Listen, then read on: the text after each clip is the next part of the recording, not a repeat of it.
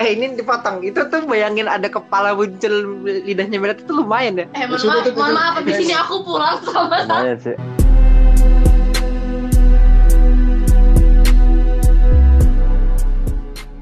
Halo teman-teman marching di mana pun kalian semua yang sedang mendengarkan. Di sini kami semua dari tim podcast dan selamat datang di Marching Podcast. Jadi hari ini eh, episode spesial, bukan spesial sih. Ini adalah episode di mana kita lagi lengkap berlima, berlima ya, bukan cuma empat host doang. Jadi kita hari ini ketambahan sama Dava. Kenalan dulu Dap, orang-orang belum kenal kamu kayaknya Dap. Halo semuanya. Perkenalkan nama saya Dava. Saya adalah- di sini saya hanya diri doang. Ini saya disuruh nih. Lengkap ya hari ini ada aku, Alma, Aji, Via, dan Dava. Dan hari ini episodenya adalah tentang cerita-cerita horor yang terjadi di lapangan saat kita sedang latihan. Jajajajeng. Jajajajeng. Eh, ini mau misteri tapi lawak loh gimana sih? Misteri deh kayaknya. Mohon maaf buat kalian semua yang mendengarkan kalau ini seperti grup lawak ya mohon maaf ya. Jadi ntar ceritanya kita bergantian gitu, masing-masing dari kita bakal ceritain pengalaman kita masing-masing atau pengalaman teman yang mungkin bisa kita ceritain. Tujuannya tidak lain tidak bukan hanya pure untuk menghibur, udah gitu aja deh. Oke? Jadi begini, kan kita di latihan marching band itu kan seringnya malam-malam ya, ya nggak sih? Band mana sih yang latihannya cuma siang doang? Pasti ada kesempatan dan banyak malah. Kita tuh latihannya malam dan dunia malam itu kan erat kaitannya sama wah doi-doi yang tak kasat mata dan pasti banyak tuh cerita-cerita dari dalam lapangan ya nggak sih? Mm-mm. Ya entah Betul. entah itu tiba-tiba waktu display malam-malam ada yang lewat, ada yang colek-colek gitu ya. Jadi kan mungkin ya Kak Firja karena kita biasanya kalau marching itu sering bareng-bareng, terus juga latihan kadang suka malam juga kan. Jadi pasti ada aja tuh cerita horor. Bukan kadang sih tapi sering ya. Pasti malam gak sih latihannya di mana-mana juga. Ya, Pasti kalau marching ya namanya nggak bisa dipisahin dari latihan malam kan. Ya karena pertama waktu kita itu kan 70 sampai 75 persennya itu dihabiskan buat latihan kan biasanya. Dan kemudian emang tidak mungkin lah kita tidak istilahnya itu tidak berinteraksi atau tidak berhubungan sama doi-doi yang di sana itu gitu loh. Jadi bisa jadi tuh masing-masing dari kita sebenarnya punya pengalaman-pengalaman masing-masing gitu. Nah terus kalau dari Kapirja sendiri nih, ada nggak cerita-cerita unik dari dalam lapangan? Oke, berarti mulai dari aku nih ya. Sebelum kita mulai cerita-cerita pengalaman masing-masing, aku mau buka dulu dengan info lah, bisa dibilang ini info, tapi berhubungan sama hal-hal mistis juga. Jadi, buat teman-teman yang mungkin kuliah di Jogja, pasti pernah dengar mitos ini. Kalau kalian mendengar suara drum band di dini hari, malam-malam lah, itu konon katanya yang mendengarkan biasanya akan betah tinggal di Jogja atau akan lama stay di Jogjanya mungkin dapat jodoh atau dapat pekerjaan gitu dan itu tuh termasuk yang lumayan ber- beredar di internet lah mitos-mitosnya itu. Dan dan waktu aku nyampe di Jogja pun eh, sempat pernah dengerin sempat juga eh, diceritain mitos tentang itu gitu loh drum band. Nah yang aku penasaran itu kenapa harus spesifik sebuah suara drum band? Dan ternyata setelah aku cari tahu ada sisi mitos dan ada sisi fakta. Dari sisi mitos dulu. Eh, katanya itu adalah pasukan dari pantai selatan. Jadi eh, kita kembali ke sejarahnya drum band. Kalau drum band itu alatnya didominasi oleh drum.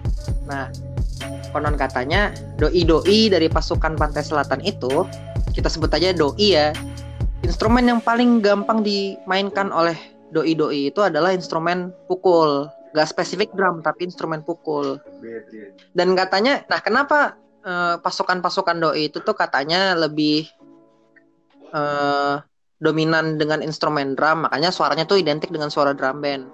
Karena instrumen drum yang mereka bawa itu tuh adalah instrumen musik yang paling gampang nggak ngerti sih antara paling gampang dilepas untuk langsung perang sekaligus atau yang memang alatnya itu tuh bisa langsung jadi senjata perang sekaligus. Nggak nggak begitu paham juga gimana dan nggak bisa juga bayangin emang instrumen drum gaib itu gimana sampai bisa dibawa perang kan nggak tahu ya. Cuma sih katanya segi mitosnya itu seperti itu jadi kalau misalkan kita mendengar suara drum band di uh, waktu kita lagi singgah atau lagi merantau ke Jogja dan mendengarkan suara drum band di dini hari atau malam-malam katanya pasukan pantai selatan aja menyambut kita dan berarti kota Jogja menyambut kita gitu. Nah kalau dari segi faktanya ini adalah sesuatu yang aku sendiri juga baru tahu. Jadi di Jogja dan sekitaran Jogja itu memang salah satu tempat yang ya ada beberapa tempat latihan militer termasuk Akademi Angkatan Udara AAU. Dan AAU itu punya tim drum band. Ternyata tuh ada kompetisi drum bandnya militer-militer. Jadi kalau misalkan mulai tuh mau fokus lomba militer, mereka akan latihan di dini hari.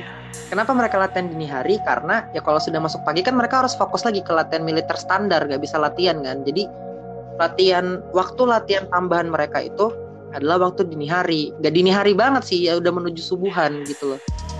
Konon katanya seperti itu. Jadi sebelum subuhan mereka latihan, terus setelah selesai sholat subuh berlanjutlah dengan kegiatan latihan militer seperti biasanya mungkin sarapan kah atau yang lain tapi intinya kalau mereka mau latihan untuk lomba katanya mohon kalau ada teman-teman dari militer yang tahu faktanya seperti apa kalau misalkan aku salah ngomong tolong dikoreksi ya katanya mereka latihannya itu di dini hari sebelum subuhan dan itu yang konon katanya didengarkan sama warga-warga Jogja yang menjadi mitos katanya kayak gitu Nah itu tuh fakta mistis ya. Jadi ntar barulah kita lanjutkan dengan cerita-cerita mistis dari pengalaman masing-masing. Nah ini aku tunjuk ya siapa yang selanjutnya cerita ya. Jadi kita kayak lagi main ya? game aja gitu loh. Jadi iya, jadi ada botol yang kita lagi putar nih di depan kita sebenarnya. Oke. Jadi gini, aku tuh kan sebenarnya orangnya tuh yang agak skeptis lah dengan hal kayak gitu. Aku percaya, percaya sama hal itu tuh ada, tapi aku tuh nggak setuju sama cara-caranya orang memahami hal-hal doi-doi gitu. Nah terus di suatu ketika nih habis latihan, nah, jadi kan gudang alatnya di UGM itu kan lumayan gede ya, ban panjang gitu. Terus kalau misalnya aku biasanya, biasanya kalau misalnya masuk situ mau itu terang mau itu gelap ya biasa aja santai-santai aja. Tapi suatu ketika pas habis masukin alat gitu gelap gelap kan aku biasa aja waktu masuk itu karena ya itu tadi aku skeptis gitu pas masuk dan naruh alat kan alatnya itu mepet dinding terus bentuknya tuh kayak lorong gitu dan di sebelah bayangin aja gini jadi di sebelah di, di sebelah kiri itu ada dinding dan di situ ada tuba tubanya tuh bersusun gitu mepet sama dinding terus di sebelah kanan itu ada rak jadi jalannya tuh bakal kecil jalannya tuh berbentuk lorong kecil gitu loh. Rak ini lumayan tinggi ya sekitar berapa? Ini di mana ya? Hampir 3 meter. Gudang alat. Daerah Tuba. Potong. Iya, daerah Potong Tuba. ya. Ini yang depan Bazram itu ya? Iya. Oh ya lanjut dah. Nah, terus terus entah kenapa tuh tiba-tiba tuh kayak aku rasanya tuh kayak ada kayak ada yang nyelimutin gitu cuman kesan ya cuman kesan ya tapi kayak ada yang nyelimutin kayak gitu terus tiba-tiba kayak ada yang nyelimutin gitu terus aku dengar tuh suaranya itu ada di pojok kanan atas dari daerah atas. Bunyinya itu kayak gini nih. Cek cek cek. Cek cek cek. Cek cek cek. Itu kayak bunyi gesekan antara besi gitu loh. Mungkin bunyi raknya itu ya. Tak tak tak tak tak tak gitu loh. Bunyi rak rak itu gesekan. Habis itu aku jalan jalan jalan. Habis itu makin lama makin cepat pas sudah deket pintu aku langsung lari. Terus aku ngambil napas ya itu doi anak dan semenjak saat itu uh, enggak katanya sih anak kecil katanya. Kayak gitu emang suka main dia. Nah semenjak saat itu aku jadi yang tadinya skeptis jadi ya cukup waspada buat masuk ke gudang alat setelahnya. Jadi ya kayak misalnya mau masuk gudang alat sendirian terutama itu kayak menyiapkan diri dan mental dulu baru masuk. Kayak gitu sih. Ini metama Beji bukan bermaksud kita menghilangkan suasananya tapi bisa diulang tadi suaranya yang muncul gimana cek cek cek cek cek cek Kenapa sih? pernah belasannya. Lucu ya? Iya kan? Dekat pernah belasan. Tuh agak apa tuh? Apa tuh? Tapi beneran kayak gitu cok suaranya. Tak tak tak tak tak tak Itu gitu loh. Aku ingetnya tuh kayak bunyinya rapat, bunyinya rapat, tapi ada jedanya gitu loh. Ya makanya kayak gitu kan. Cek cek cek cek cek cek. Aku bayanginnya tuh kayak ini loh, kayak kayak suara hentakan kaki gitu loh. Mirip-mirip kayak gitu juga suaranya. Dari atas tuh sumpah dari atas. Kayak tahu nggak sih kayak anak lagi kayak anak lagi kegirangan seneng gitu terus loncat-loncat Oh, gitu. mungkin senang lihat Ih, cringe bukat aja itu kemasukin. ya aku punya personal experience nih waktu aku latihan eh, sebenarnya bukan waktu latihan sih tapi waktu break latihan waktu itu eh, lagi break maghrib kan nah eh, aku sama temen-temenku eh, ke toilet yang ada di gedung rektorat Ih, it- itu ngeri loh. Ya, you know kan, eh, apalagi maghrib-maghrib di lantai satu. Nah, kan aku tuh lagi kayak kebelet banget ya. Udah aku jalan aja duluan di depan daripada teman-temanku Mm-mm. yang lain. Udah aku jalan kan masuk ke rektorat, lurus belok kiri ke lorong toiletnya itu. Nah, terus habis itu aku tuh ngomong apa ya ke temanku yang ada di belakang ini. Eh, pokoknya suaraku tuh kayak agak kenceng gitu loh. Bukan teriak ya. Aku ngomong apa gitu ke mereka yang ada di belakang. Itu aku langsung masuk ke dalam toiletnya. Nah, kebetulan pintu toilet itu tuh nggak ketutup, jadi aku langsung masuk aja. Terus waktu aku mau masuk ke salah satu bilik yang ada di toilet itu, kan aku kayak itu pintunya langsung ketutup sendiri, jebrak. Kenceng gitu. Aku tuh kayak udah udah kayak bodo amat itu loh, karena udah kebelet banget kan. Ya udahlah, aku selesaikan urusanku. Terus habis itu ya udah segala macam selesai istirahat. Terus aku nanya ke teman-temanku yang tadi, ke yang eh, ke toilet bareng sama aku. Tadi kalian kenapa? Kok iseng banget sih kayak nutup pintu toilet itu kenceng-kenceng banget, apalagi itu maghrib kan. Itu, nah salah satu temanku tuh malah bilang kayak gini, loh aku kira itu kamu loh yang nutup kenceng-kenceng. Kita kira kamu lagi marah, gituin kan. Terus aku kayak ada moment of silence gitu kan. Terus ya oke ya mungkin itu menjadi salah satu teguran biar nggak eh, apa ya mungkin bisa permisi apa segala macem tidak teriak-teriak apalagi di depan toilet kan terus eh, ya udahlah dilupakan setelah itu sudah Alma ini. kalau aku tiap aku tuh kadang tuh kalau pulang dari rektorat tuh malam-malam mak tolong mak jadi tuh kalau ceritaku nih jadi tuh aku eh, sekarang kan lagi aktif jadi penyiar radio kan. Nah biasa tuh aku siaran malam. Kebetulan mersingnya Brawijaya ESB yang diikutin sama Alma juga itu eh, waktu itu lagi latihan GPMB kalau nggak salah. Dan tema mereka itu sirkus. Aku inget banget. Nah aku kan siaran malam itu. Kelarnya siaran malam itu sekitar jam 10 apa kalau nggak salah aku keluar dari ruangan gedung rektorat yang itu lampunya udah mati semua udah nggak ada orang. Aku keluar tuh dari gedung itu sama partnerku nah depan gedung itu itu langsung lapangan UB yang gede yang biasa dipakai sama anak-anak mersing ESB buat latihan. Dan waktu itu eh brassnya mereka itu lagi aku lupa lagi warm up atau lagi mainin lagu tapi yang jelas mereka lagi konser gitu posisinya. Nah terus temenku ini partnerku di sampingku ini kebetulan dia orangnya bisa ngeliat gitu. Nah tiba-tiba pas aku jalan turunin tangga keluar gedung itu dia itu cekram tanganku kuat banget gitu loh sakit sumpah itu. Terus dia kayak kayak ketakutan gitu nyuruh nyuruh aku cepet-cepet buat ke parkiran buat naik motor buat kita pergi gitu kan. Ya udah kak kita naik motor kita pergi dari UB kita pulang terus di jalan dia baru cerita dia baru berani cerita kalau sebenarnya dia tadi ada lihat sesuatu yang lagi main-main di deket MB itu lagi latihan. Tapi main-mainnya ini main-mainnya ini nggak sembarang main-main gitu. Dia itu lompat-lompat.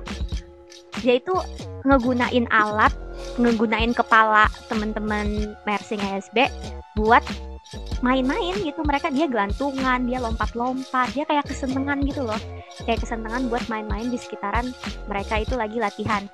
Dan aku jadi mikir gitu anjir ini temanya sirkus terus ada yang kesenangan main-main dan dia bilang itu tuh iya itu mbak ya. Aku aku ingatnya dia bilang itu mbak mbak tapi macam anak kecil gitu jadi dia itu kayak kecil bentuknya dan hiperaktif banget lah ibaratnya. Dan dia itu kayak seneng banget ngelihat teman-teman yang lagi latihan.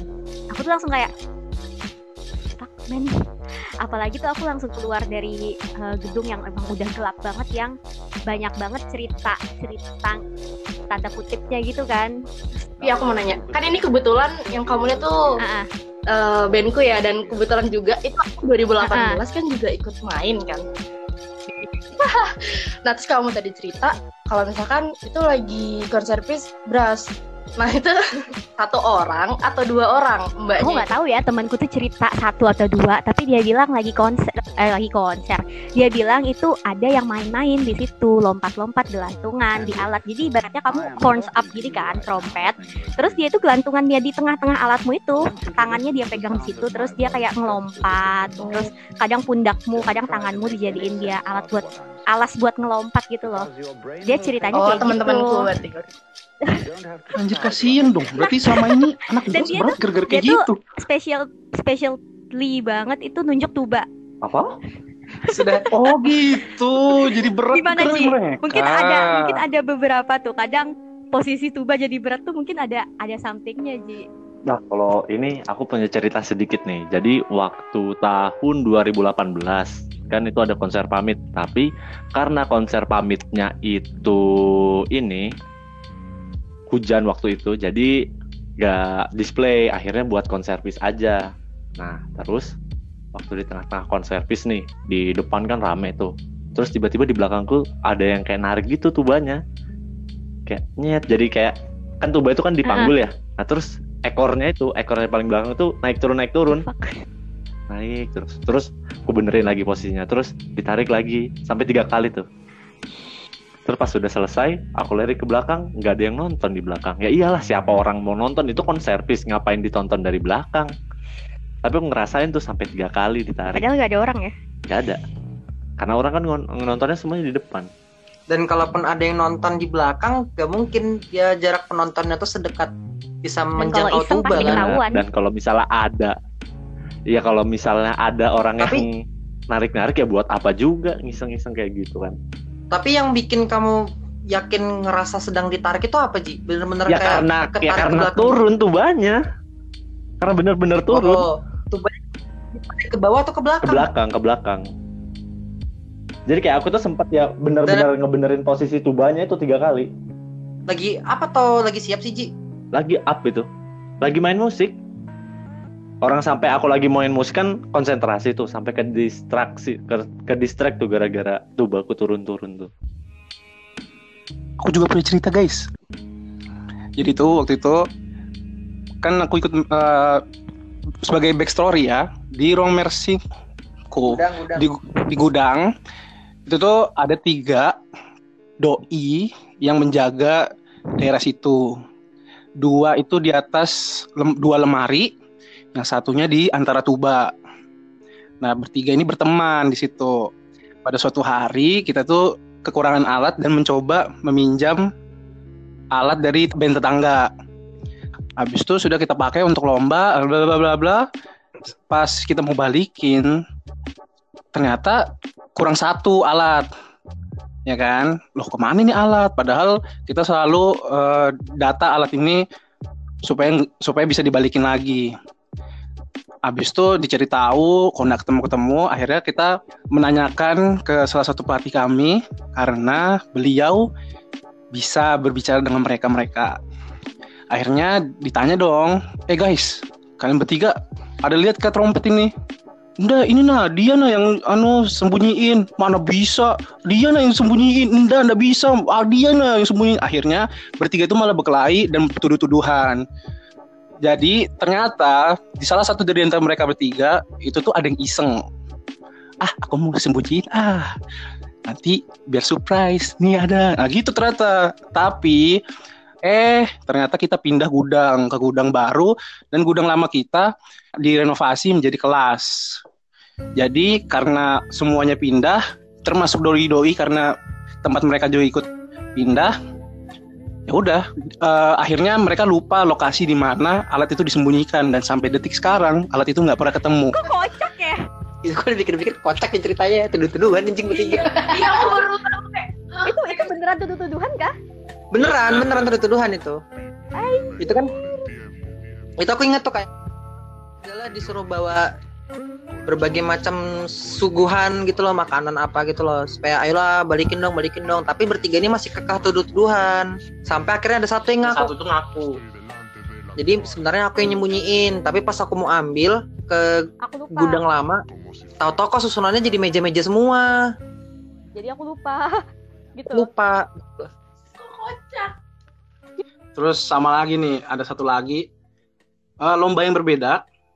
Jadi waktu itu lagi ano lagi latihan panjang sampai malam. Kebetulan kita pulang jam jam berapa? ya? Jam 10-an. Habis itu udah ini lagi capek banget nih. Jadi udah display keempat, udah mau terakhir dan kita sudah mau pulang. Eh, pada saat itu udah capek banget. Tinggal beberapa cat lagi selesai. Habis itu kita mau buat crossing. Eh tiba-tiba ada satu anak bajingan nih, ya kan? Udah, boleh gak? apa Dia tiba-tiba stop di tengah-tengah.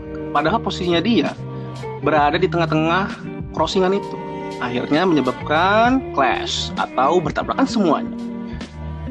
Habis itu marah dong pelatih. Jadi ada pelatih display. Pelatih display ini kebetulan lagi di lantai tiga di, dep- di depan kita ada tiga lantai. Dia sedang berada di lantai tiga. Turun dong dia. Marah-marah segala macam. Kok bisa nih nabrak? Mungkin bisa nabrak bla bla bla. Akhirnya kita ulang lagi dari awal sampai habis ya kan. Dan si anak ini nangis dong karena dimarahin. Sudah selesai latihan, akhirnya kita pulang baru kita tanya, eh kamu kenapa kok diam? Tadi akhirnya kita nabrak loh nggak apa-apa ke kepalamu gitu-gitu kan baru dia, dia cerita anu tadi tuh aku tuh lihat di belakangnya kakak itu ada banyak orang kayak rame banget baru tiba-tiba ada satu orang di di depan orang-orang itu deket sama kak, kakaknya itu pakai baju merah dan gede dan mukanya itu garang. Dan mereka tuh sambil ngeliatin kita. Matanya tuh kelihatan dan mereka tuh semua yang ngeliatin kita. Dan aku langsung ya karena aku takut aku stop. Karena aku kak jadi shock gitu dong. Langsung semuanya oh ya sudah ya sudah. Nggak usah dilanjutin lagi ya. Oke sip sip. Terus habis itu gimana? Setelah dia ngeliat itu kan diberhentiin. Terus gimana tuh lanjutannya? Dia sebenarnya nangis dulu Oke. habis itu didatengin pelatihku ini baru diajakin ngobrol baru pelatihku tuh langsung oh iya iya iya nggak apa apa itu mereka tuh cuma mau denger apa mereka tuh cuma mau lihat jadi jadi sebentar sebentar saya terdistraksi dengan nada Dava yang jauh lebih dibuat-buat daripada nadanya Via buat sih Eh, aku nggak dibuat-buat ya. Aku aku natural kalau siaran kayak gitu. Jadi mohon maaf. Kayaknya ada kayaknya di paket yang sama itu aku juga pernah satu kejadian deh. Aku lupa tapi ini paket yang sama atau paket sebelumnya gitu. Tapi kayaknya paket yang sama deh. Jadi tuh waktu itu kan aku front ensemble ya dan waktu itu tuh memang lagi lagi istirahat gitu. Nah, ada satu anak pelatih yang waktu itu tuh deket banget nih anaknya sama aku. pelatih Apa bedanya? Ya Beda dong Hah, gimana? Anaknya pelatih. itu anak pemain anak pelatih Ayo udah deh, udah, udah lanjut, lanjut, lanjut. Jadi waktu itu tuh ada anak pelatih. As. anaknya Oke, oke, oke. Jadi waktu itu ada anaknya pelatih, cewek kecil, lucu banget. Waktu itu eh, lumayan deket kan sama aku, lumayan sering main-main juga sama aku. Itu dia lagi duduk, duduk di deket pit, deket alat-alat pit gitu. Dan kebetulan kita ini latihan itu menghadap gedung lantai tiga yang dibilang sama Dava tadi. Nah di bawahnya, yang lantai paling bawah itu setengahnya itu UKS. Dan itu tuh kondisinya lagi gelap gordennya itu ditutup setengah kalau nggak salah. Aku juga lupa ini. Udah lama banget ya ceritanya. Nah tiba-tiba anaknya pelatih ini dia itu nyoel-nyoel aku gitu loh kayak narik-narik baju tuh kayak kakak kakak kakak. Itu dia nunjuk. Dia nunjuk tuh jendela jendela di UKS padahal kosong kan gelap nggak ada apa-apa. Terus aku tanya kenapa? Gitu. Itu itu ada yang lihat. Dia bilang anjir aku langsung langsung kaku dong. Karena itu UKS tuh deket banget sama posisi pit dan pas di hadapannya aku gitu loh. Kayak jaraknya mungkin 3 meter lah. Kayaknya kurang lebih 3 meter aja. Jadi nggak nggak jauh-jauh banget gitu loh. Dan si adeknya ini cerita ceritanya gini kayak itu itu ada yang lihat nengok nengok kayak nengok dari jendela gitu loh ngintip keluar. Terus aku kayak man tolong jangan cerita kayak gitu adek aduh itu itu merinding banget deh. Terus lanjut latihan kamunya? Ya mau nggak? Atau aku lari aku kah? atau pulang? Atau yang lanjut latihan itu itu tuh posisi di tengah-tengah run. Bukan di tengah-tengah run terus kayak kita lagi lagi break lah break break singkat gitu. Dan aku belum cerita ke siapa-siapa itu. Pas kejadian itu ya ceritanya kan udah udah pas besok besoknya so kayak dan adiknya ini memang anaknya pelatih ini memang yang pelatihku itu bisa lihat. Jadi mungkin menurun kali ya. Nggak paham juga. Tapi itu tadi kamu bilang di depan UKS itu bukan sih? Atau di dalam UKS-nya ya? di dalam UKS-nya UKS. Nah itu bukannya dari dulu kayak terkenal banget ya? Di di daerah situ tuh emang ada lah, ya gak sih? Gini, kan aku display ya berseliweran ke sana kemari, ada juga bagian yang eh, dekat dekat dengan arah UKS itu. Ya kan nah juga kita berjalan dengan cepat ya. Ya sekelebat aja lah ngeliat itu kayak ada sesuatu lah di depan UKS itu. Em, berapa kali ya? Mungkin beberapa kali sih dan terjadi tuh nggak di tahun yang sama gitu. Jadi 2012 lihat, baru 2013 aku juga ada lihat di tempat yang sama. Tuh. berarti ini doinya nih sama cuman dia per tahun muncul dulu gitu ya Ya mungkin juga mau ngeliatin kita main, penonton nih. Main kan. tapi iseng banget ya Penonton setia kita ya. Tapi kalau kalau nginget-nginget ceritanya pelatihku sih mereka itu emang senang kalau kita lagi main. Ya benar-benar. Ini nih salah satu yang ku dengar dari teman-temanku juga sih dan ini ternyata salah satu yang lumayan umum terjadi di di band-band gitu di marching band marching band. Kalau memang tempat latihanmu itu salah satu yang dalam tanda kutip dipenuhi doi doi. Kalau ada latihan marching band dan terutama itu mau nampilkan eh, keseluruhan penampilan atau kita sebutnya rantru lah, rantru penampilanmu seluruhnya. Apalagi malam-malam ya, biasanya tuh doi-doi yang di sekitar situ tuh pasti langsung pada ngumpul nonton gitu loh. Dan itu tuh ternyata nggak cuma terjadi di satu dua. Kalau emang tempat latihannya itu penuh, pasti pada nonton. Wajar lah katanya tuh sering terjadi ya. Namanya penampilan kita menarik. Kalau kata pelatih kita dulu tuh sih dia bilang kalau sampai ada waktu di mana doi-doi itu pada nggak mau nonton, berarti sudah paling jelek sejelek-jeleknya penampilan kalian itu gitu. Jadi ada positifnya lah, ada doi-doi ini nonton gitu. Sampai itu jadi standar apa standar penampilan ya. Doi aja udah mau nonton apalagi manusia. Tapi kalau ngomongin doi di tengah lapangan aku ada lagi cerita. Jadi jadi ini waktu aku di di UGM. Eh, waktu itu lagi jadi pelatih. Jadi ceritanya ini lagi karantina di kita sebutnya tempat militer gitu ya. Dan latihan ini sampai malam gitu. Nah, jadi waktu latihan karantina itu perjanjian sama militernya itu sama yang punya tempat lah istilahnya kita boleh latihan sampai jam 10 malam, tapi sampai jam 9 itu tuh sudah nggak boleh ribut-ribut lagi gitu. Nah, jadi ya udah. Kalau sudah latihan gitu kan tiap hari sampai jam 9 kita berhenti eh, berbunyi, bunyiin alat musik. Lanjut biasanya kalau nggak latihan display, CG-nya mungkin latihan gerakan, koreografi. Yang pitnya tuh mulai nyicil masukin alat ke gudang gitu. Jadi waktu itu eh, sudah nih mulai dipisah masing-masing nih, beras display, CG mulai latihan koreo, Pit mulai masukin alat, battery dipinggirin. Jadi battery ini eh, ceritanya mau lanjut latihan sticking dan supaya nggak ribut, jadi semuanya main di ring, di ringnya masing-masing gitu. Ya udah kita di pinggir lapangan di bawah lampu latihan. Nah terus sambil latihan ini tuh semakin lama semakin gak enak gitu. Jadi ada salah satu pemain simbal, dia itu termasuk yang ya punya ilmu-ilmu lah istilahnya gitu lah. Bisa ngelihat lah bukan punya ilmu. Punya bisa ngelihat bisa ngerasain gitu. Waktu mulai latihan ini tuh si anak simbal udah mulai ngeliat-liat. Matanya tuh melotot ke depan gitu loh. Terus aku feeling gue sudah nggak enak kan. Tapi ya lanjut aja dulu latihan gitu loh. Nah kemudian salah satu pemain snare dia paling depan gitu kan. Eh dia tuh udah mulai kode-kode gitu. Ternyata dia ngerasa kalau snare-nya dia kayak ditarik gitu rasanya aku pokoknya mulai abaikan kan coba mengabaikan aja terus lanjut latihan. Eh begitu lanjut latihan leherku dicolek. Jadi jadi lagi mau aba-aba gitu kan yuk kita mulai yuk tuh and what? Tiba-tiba dicolek gitu. Langsung berhenti lah pokoknya aku langsung berhenti ngomong aku langsung berhenti eh, ngaba-ngaba aku langsung malah ke belakang. Dan ternyata nggak ada siapa-siapa gitu ya udahlah. Itu aku langsung nggak fokus lah pokoknya itu. Ternyata tuh di belakang lampu si anak simbal ini dia cerita udah lewat udah lewat udah berapa bulan kemudian dia baru cerita. Dia bilang kalau di bawah lampu itu tuh sudah mulai ada something something seperti bayangan lewat gitu katanya. Nah itu hari Selasa gitu kan. Hari Rabunya lanjut ternyata. Jadi latihan selesai jam 10 eh, semua pemain sudah balik ke penginapan semua pengurus sudah selesai beres-beres udah udah mulai balik ke penginapan.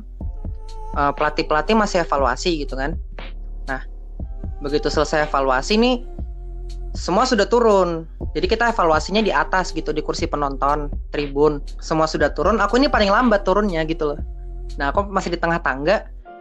Eh, teman-temanku pelatih yang lain tuh ada yang di lapangan ada yang sudah depan gerbang ada yang lagi di depan pintu. Terus itu tiba-tiba terdengar suara yang sangat kencang. Suaranya tuh modelnya gini. Dan langsunglah kita semua itu wah hening. Akhirnya jadi temanku yang sudah nyampe gerbang itu dia itu serba salah. Dia mau cepet-cepet gerak tapi dia sendirian. Tapi dia kalau lambat-lambat takut kayak ya itu udah mulai ketakutan lah gitu. Dan aku yang paling lambat jadi aku tuh udah lari terbirit-birit gitu sampai gerbang gitu kan. Dan akhirnya begitu kita semua sudah bareng kita tuh jalan jejer mendatar gitu loh. Kenapa kita jejer mendatar? Soalnya kalau misalkan kita jalan ada yang depan ada yang belakang takutnya itu yang belakang ternyata bukan salah satu dari kita atau yang depan ini bukan salah satu dari Tapi kita kalau yang gitu salah satu dari samping kalian bukan kalian gimana? Aduh. yang penting kita sampingan aja nggak apa-apa gitu Mana tahu kan? Ngebayanginnya itu kalau yang di samping kakak, terus tiba-tiba jalannya nggak napak, ayo. Ya eh, kebetulannya ya kebetulannya nih pas kita lagi jalan kita fokus ke jalanan aja udah nggak mau lihat kanan Udah, kiri. udah paham semua ya? Karena kita sudah takut gitu kan. Kita langsung jalan nggak mau lari tapi tuh jalan cepet ibaratnya kita lagi display temponya cepet gitu loh. Tem cepet pokoknya jalan kita tuh buru-buru ke penginapan gitu lah intinya karena sudah mulai macam-macam pikiran kita gitu. Dan ternyata emang tempat latihan militer itu tuh yang kita pakai karantina emang cukup terkenal agak angker lah kita sebut gitu loh. Jadi emang ya wajar aja ada kejadian gitu. Cuma tentang suara tadi itu tuh nggak bakal bisa kulupain sih. Itu kenceng banget suaranya. Temanku yang sudah di ujung gerbang dan ujung gerbang itu tuh kayak sudah di seberang lapangan gitu. Dia masih bisa dengar. Dan sumber suaranya itu kalau nggak salah di dalam stadion eh, di dalam toilet kalau nggak salah sumber suaranya itu. Jadi kayak wah udahlah makin macam-macam udahlah we, pikiran kita tuh gitu. Kayak gimana? Aku- nggak? Aku adanya ini cow yang ini loh, yang waktu itu kan jadi pernah nih kami-kami di SMP itu kan nongkrong-nongkrong habis latihan kan. Terus ketika lagi nongkrong-nongkrong ya kayak gini juga nyeritain hal-hal horor. Itu siang-siang, nggak siang sih sore kalau nggak salah sore. Lagi ngumpul di depan gudang, gudang alat. Lagi ngumpul ngomongin horor terus tiba-tiba pintunya ruang marsing itu, eh pintunya gudang alat tuh kebuka. Tapi kebukanya tuh bukan yang ketiup angin, tapi bener-bener cekrek kebuka. Siut. Gudangnya itu. Terus Angin kali. angin kok bisa Ya, nyekrek? Ya bener-bener cekrek abis itu kebuka. Cekrek, iya kebuka. Terus kita kita yang lagi nongkrong nih noleh. Setelah noleh beberapa detik, abis itu lanjut lagi cerita. Udah deh. Enggak eh gini gini. ya. Nih gini, ibaratnya manusia ya kan. Ibaratnya manusia ini kamu lagi gibahin manusia gitu kan. Terus yang digibahin datang gitu. Ya. Logikanya tuh apa? Kamu melanjutkan pergibahanmu atau kamu berhenti? Ya entah kenapa pada saat itu tetap dilanjutin. Ya? So- soalnya soalnya tidak ada tindakan-tindakan ofensif dari doi kan. Ya mungkin doi cuma nong nengok doang sebentar abis itu Nimbrung ya udah oke Atau kayak- jangan-jangan dia ngikut ikut dengerin gitu. iya jangan-jangan kayak gitu setelah itu didengerin terus Jadi yang diomongin ini satu di antara tiga, yang yang nimbrung ini yang nomor dua gitu ya. Oh, iya. Jadi Aku juga pernah Ji, kayak gitu Ji. denger. Aku juga pernah kayak gitu Ji. Jadi pas sore-sore sama kayak kamu.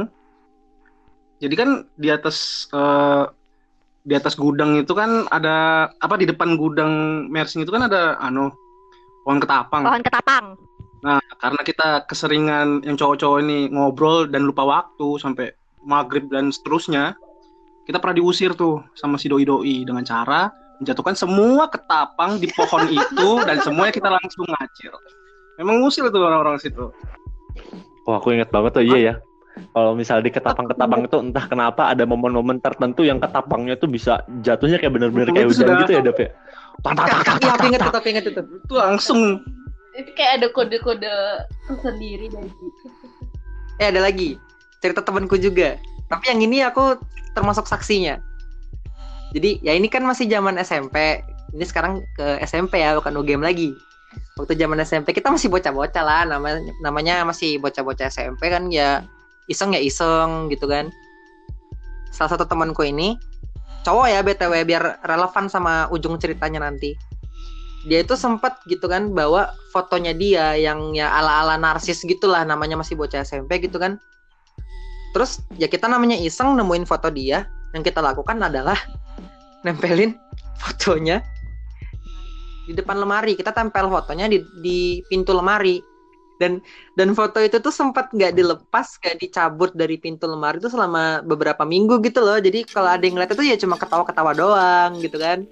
Pelatih ngeliat pun tuh cuma kayak aduh kelakuan, kelakuan kayak gitu doang kan. Nah temenku itu dia makin lama katanya dia latihan tuh kayak ngerasa aduh bahuku kok berat ya. Aduh kok aku nih mau latihan pegel ya. Dan dia kan pemain toms ya. Dia pemain toms dan dia kan ngangkat carrier tuh. Dia bilang kok setiap latihan itu nggak pernah kuat dia nggak pernah sanggup ngangkat alat dan dia tahu toms itu berat tapi kok nih rasanya semakin hari semakin berat lagi pegel semua badannya. Kalau selesai pulang latihan pegel dia ngangkat toms itu tuh masih ke bawah sampai rumah gitu loh. Dia nggak tahu kan dan pelatih kita yang tadi yang dia punya ilmu bisa ngelihat dan komunikasi itu lihat katanya eh ada yang ngikut tuh di belakang gitu kan. Salah satu di antara tiga yang di dalam gudang tadi. Tadi kan si Dava udah bilang kalau di antara tiga itu tuh ada yang salah satu induk eh bukan induk apa sih? Markasnya. Markasnya tuh di atas lemari dan ternyata tuh lemari yang ditempel adalah markasnya si salah satu doi doi ini cewek dan karena itu foto ditempel berhari-hari sampai berminggu-minggu, udah nyampe sebulan mungkin ya. Ditatap terus itu fotonya setiap hari. Dan kalian bisa tebak apa yang terjadi kalau foto ditatap berhari-hari. Doinya naksir. Jadi dia kayak jatuh cinta gitu dan dan dia tuh naksir tuh di beberapa hari pertama kan kayak wah ini orang boleh juga nih gitu kan. Dan dan beberapa hari dia ngeliat foto semakin naksir baru dia ngeliat yang aslinya. Oh ini yang aslinya nih. Akhirnya diikutin ke mana-mana gitu loh. Dia nggak bermaksud nyakitin atau apa sih katanya tapi ya namanya kamu diikutin sama sebuah energi setiap hari ya pasti berat kan rasanya kan. Jadilah ada pegel-pegel dan lain sebagainya itu. Jadi moral ceritanya adalah tolong jangan tempel foto kalian sembarangan nanti kalian taksir sama doi doi ya oke Eh tapi tapi aku mau nanya deh. Itu tuh bisa lepas nggak sih akhirnya? kalau seingatku sih dilepasin gak dilepasin sih cuma diajak sama ngobrol aja sama pelatih Sama pelatih kita itu ya. ngobrol. Udah eh, jangan iseng lah, kasihan. Itu dia ini. Kalian tuh LDR, cinta beda dunia. Anjir kasihan dah. Astagfirullah. Eh dosa gibahin doi. Bahaya sekali. Gibahin manusia juga dosa, Bapak. Enggak cuma doi aja. Nih, oke lah ini aku tutup dengan cerita pamungkasku ya. Soalnya ini bukan pengalaman pribadi sih, ini cuma cerita senior yang diceritain tiap tahun lah sama anak baru diceritain gitu. Jadi tuh di tempat latihannya UGM sebelum stadion ya. Jadi kan dulu jadi kan sekarang ini UGM latihan di stadion. Sebelumnya itu tuh latihan di gedung kesenian gitu. Di depan gedung kesenian daerah parkiran lah kita sebut. Ada salah satu batu atau tempat duduk ya yang dibilang jangan macem-macem lah itu di situ gitu loh ada ada doi lah gitu ada satu orang nih senior dia ini emang bebel nakal terus rada berandal gitu lah. Terus dia itu yang kayak nggak percaya dan nantang gitu loh yang kayak dia ng- ngangkat kakinya terus diinjek-injek tuh batu spesial itu terus kayak mana sih mana sih? Sambil nepok-nepok mana sih? Apa sih? Nggak ada itu nggak ada bohong doang gitu kan. Dan itu setelah latihan gitu loh. Jadi biasalah namanya bercandaan setelah selesai latihan basa-basi sambil nunggu pulang latihan ya kayak gitulah. Dan ya geng teman-temannya itu tuh rada pada takut juga cuma lanjut ngobrol. Walaupun mereka berusaha mengalihkan obrolan jangan ngobrolin hal-hal yang kayak gitu obrolin hal yang biasa aja lah gitu loh. Tapi si satu senior ini ya bebel aja masih gitu loh. Nah kemudian pulang. Dia tidur. Dan tiba-tiba tuh dia kebangun katanya dini hari. Pas dia kebangun dia buka mata ada kepala doi melet lidah gitu. Bleh, gitu loh. Terus ya wah.